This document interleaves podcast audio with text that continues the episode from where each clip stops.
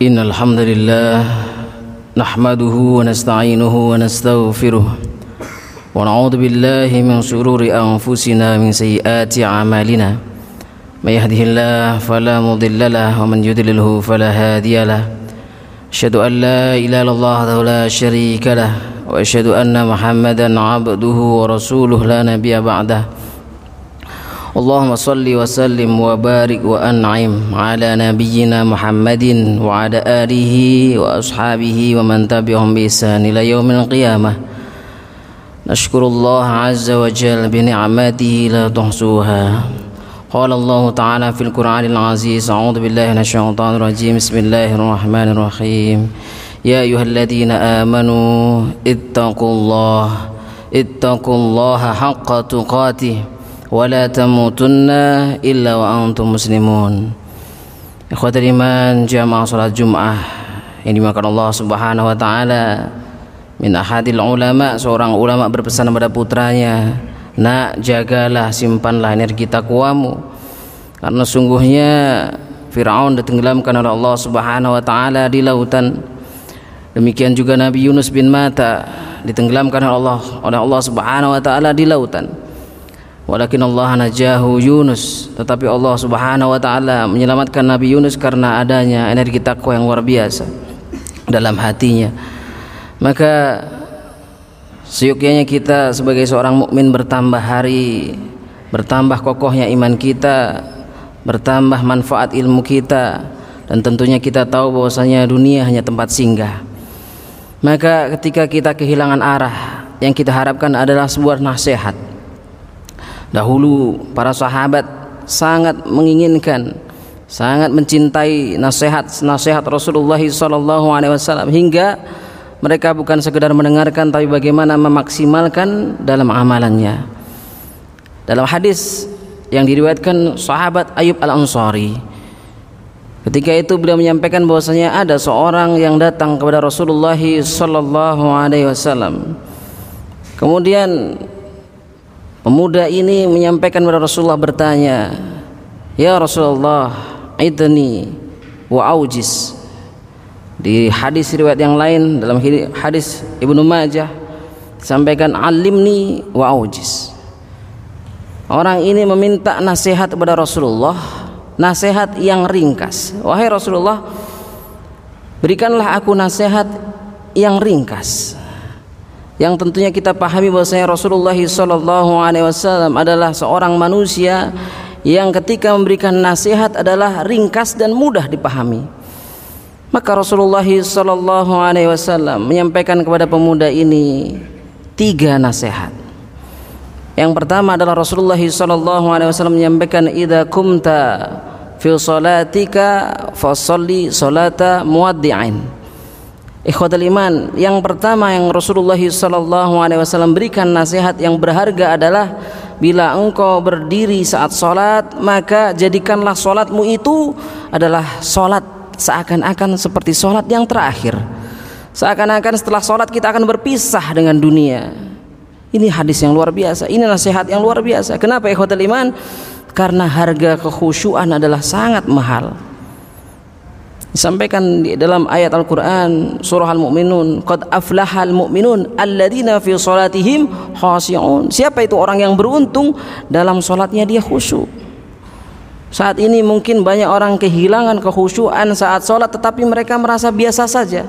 Dulu para orang-orang soleh ketika kehilangan kekhusyuan saat salat adalah musibah yang luar biasa besar hingga ada seorang tabiin yang menggali kuburnya dan tidur dalam kuburnya untuk berharap dikembalikan kekhusyuan yang hilang saat sholat. Maka bagaimana supaya kekhusyuan itu datang? Yang pertama adalah ulama menyampaikan ketika kita ingin mendapati kekhusyuan saat sholat maka perbanyaklah takziah. Ketika ada orang meninggal kita datangi. Mengingat kematian itu adalah salah satu faktor untuk menguatkan kekhusyuan. Dan tentunya adalah kaifa nufahimu makna salah. Bagaimana kita memahami yang kita baca saat sholat. Ikhwatal iman, banyak dari kita ketika saat sholat bahkan tidak tahu bacaan arti fatihah yang dia baca. Ketika kita tahu makna sholat itu akan menguatkan khusyuan kita saat sholat. Ikhwatal iman, nasihat yang pertama ini kenapa begitu luar biasa? ada seorang sahabat yang bernama Rabi'ah Ka'ab al-Aslami. Beliau adalah sahabat yang sangat mencintai Rasulullah sallallahu alaihi wasallam. Di mana Rasulullah berada, beliau Rabi'ah Ka'ab al-Aslami ini senantiasa mengikuti Rasulullah. Beliau menyiapkan bejana Rasulullah saat wudhu, bahkan menyiapkan sandalnya Rasulullah. Hingga Rasulullah sallallahu alaihi wasallam memberikan satu pertanyaan. Yang mana pertanyaan ini kalaulah kita mendapati pertanyaan ini betapa terharunya kita. Rasulullah menyampaikan kepada sahabat ini Rabi'ah Ka'ab al-Aslami, "Sal wahai Ka'ab, mintalah sesuatu padaku wahai Ka'ab." Bagaimana ketika kita yakini apa yang kita minta kepada Rasulullah dan Rasulullah bermunajat kepada Allah pasti dikabulkan.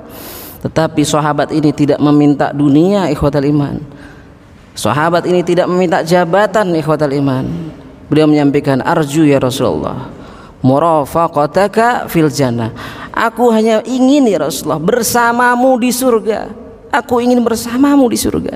Lihat bagaimana seorang sahabat yang ketika Rasulullah meminta sesuatu padanya, dia tidak meminta dunia. Dia meminta aku ingin bersamamu di surga ya Rasulullah. Tentunya adalah surga yang tertinggi surga Firdaus. Maka Rasulullah SAW menyampaikan bahwasanya fa'inni alaika kalau gitu, kalau gitu kamu bantu aku bikasratis sujud. Kalau gitu, bantulah aku dengan permintaanmu itu perbanyaklah sujud. Karena sujud adalah di mana waktu terdekat kita kepada Allah Subhanahu wa taala. Saat kening kita kita letakkan di atas sajadah. Sujud itulah waktu di mana muraqabah kita. Dekat kita dengan Allah Subhanahu wa taala. Itu adalah nasihat yang pertama ikhwatul iman. Nasihat yang kedua adalah bahwasanya Rasulullah menyampaikan wala tatakallam bikalamin ta'tadiru minhu ghadan. Janganlah engkau menyampaikan sesuatu dengan perkataanmu yang kemudian engkau menyesalinya keesokan harinya. Ikhwatal iman, lihat bagaimana nasihat Rasulullah yang kedua ini. Di mana ketika kita diminta untuk berhati-hati dalam berbicara saat kita temukan mungkin fenomena saat ini orang berbicara tanpa dipikir dulu hingga menyakiti seseorang. Bahkan dalam hadis sampaikan bahwasanya ada kata-kata yang dianggap remeh. Dan kata-kata itu menyakiti saudaranya hingga membuat orang yang mengeluarkan kata-kata itu horifan dimasukkan ke dalam neraka bertahun-tahun lamanya karena kata-katanya. Itulah ulama menyampaikan bahwasanya al-kalam la tangfuduhu al ibar. Bahwasanya kata-kata itu kadang-kadang lebih tajam daripada jarum. Maka ikhwatul iman jamaah salat Jumat yang dimakan Allah Subhanahu wa taala Rasulullah pernah menyampaikan kepada sahabat bahwasanya ada satu keselamatan. Sahabat bertanya kepada Rasulullah ma hiya an najah ya Rasulullah? Apa itu keselamatan ya Rasulullah? Maka Rasulullah menyampaikan bahwasanya an najah hiya yang pertama adalah amsik lisanak, jagalah perkataanmu. Ada juga seorang sahabat yang bertanya kepada Rasulullah, ya Rasulullah, inna fulanatan. Ada seorang perempuan, tasumun nahar. Dia adalah orang yang ahli puasa. Bahkan qiyamul lailnya luar biasa. Tetapi di jironaha. Tetapi dia menyakiti tetangganya dengan kata-katanya. Maka Rasulullah menyampaikan la khaira fiha, tidak ada kebaikan bagi dia. Tidak ada kebaikan kebaik ke, tidak ada kebaikan bagi dia hingga orang ini akan mendapati dirinya masuk neraka. Lihat bagaimana ketika orang tidak menjaga kata-katanya menggelincirkan dia ke dalam neraka. Kemudian ikhwatul iman, nasihat Rasulullah sallallahu alaihi wasallam yang ketiga adalah wajmil ya'sa mimma fi aidin nas. Kuatkanlah tekadmu untuk supaya engkau tidak menggantungkan dirimu kepada manusia. Ikhwatul iman, kalaulah kita bertanya siapakah orang yang paling lelah di dunia ini? Mudah jawabannya ikhwatul iman. Orang yang paling lelah di dunia ini adalah orang yang iktimatnya, sandarannya bukan kepada Allah Subhanahu wa taala. Ketika iktimatnya kepada jabatan, maka lihat pekerjaannya pun dia akan semangat hanya ketika dilihat atasannya saja iktimatnya kepada harta maka kehidupannya tidak akan merasa bahagia kalau dia tidak dapat uang yang banyak harta materi yang banyak tapi orang yang dalam kehidupannya diberikan Allah ketenangan jiwa Ketenangan hati adalah yang mana sandarannya hanya kepada Allah Subhanahu wa taala. Hakikatu al-ghina bahkan disampaikan kekayaan sejati itu dari mana kita dekat dengan Allah Subhanahu wa taala. Itulah kenapa ada kalimat yang luar biasa bahwasanya ada seseorang yang mungkin kehilangan segala-galanya di dunia tetapi dia memiliki segala-galanya karena apa? Dia dekat dengan Allah Subhanahu wa taala. Itulah kenapa kalimat qanaah selalu disampaikan bahwasanya lau kunta dza qalbin qanu'in fa anta wa malikud dunya sawa.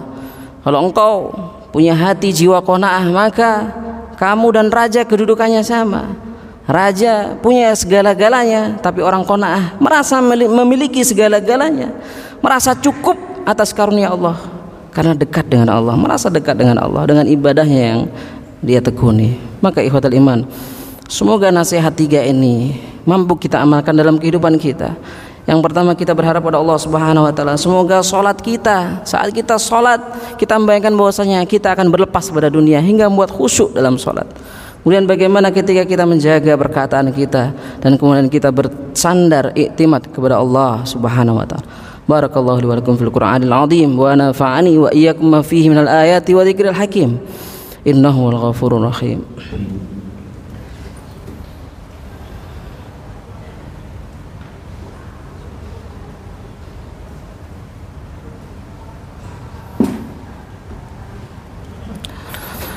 الحمد لله وكفى والصلاة والسلام على رسول الله المصطفى وعلى آله وأصحابه على الصدق والوفا أشهد أن لا إله إلا الله وحده لا شريك له وأشهد أن محمدا عبده ورسوله لا نبي بعده اللهم صل وسلم وبارك وأنعم على نبينا محمد وعلى آله وأصحابه ومن تبعهم بإحسان إلى يوم القيامة يا أيها الذين آمنوا اتقوا الله اتقوا الله حق تقاته ولا تموتن إلا وأنتم مسلمون.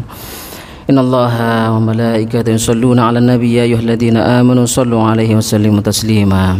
اللهم اغفر للمؤمنين والمؤمنات والمسلمين والمسلمات الأحياء منهم. ربنا ظلمنا أنفسنا ولم تغفر لنا لنكونن من الخاسرين. ربنا تزغ قلوبنا بعد إذ هديتنا وهب لنا من لدنك رحمة إنك أنت الوهاب. ربنا إننا سمعنا مناديا ينادي للإيمان أن آمنوا بربكم فآمنا ربنا فاغفر لنا ذنوبنا وكفر عنا سيئاتنا وتوفنا مع الأبرار. عباد الله. إن الله يأمر بالعدل والإحسان وإيتاء ذي القربى وينهى عن الفحشاء والمنكر والبغي يعظكم لعلكم تذكرون ولذكر الله أكبر. أقم الصلاة.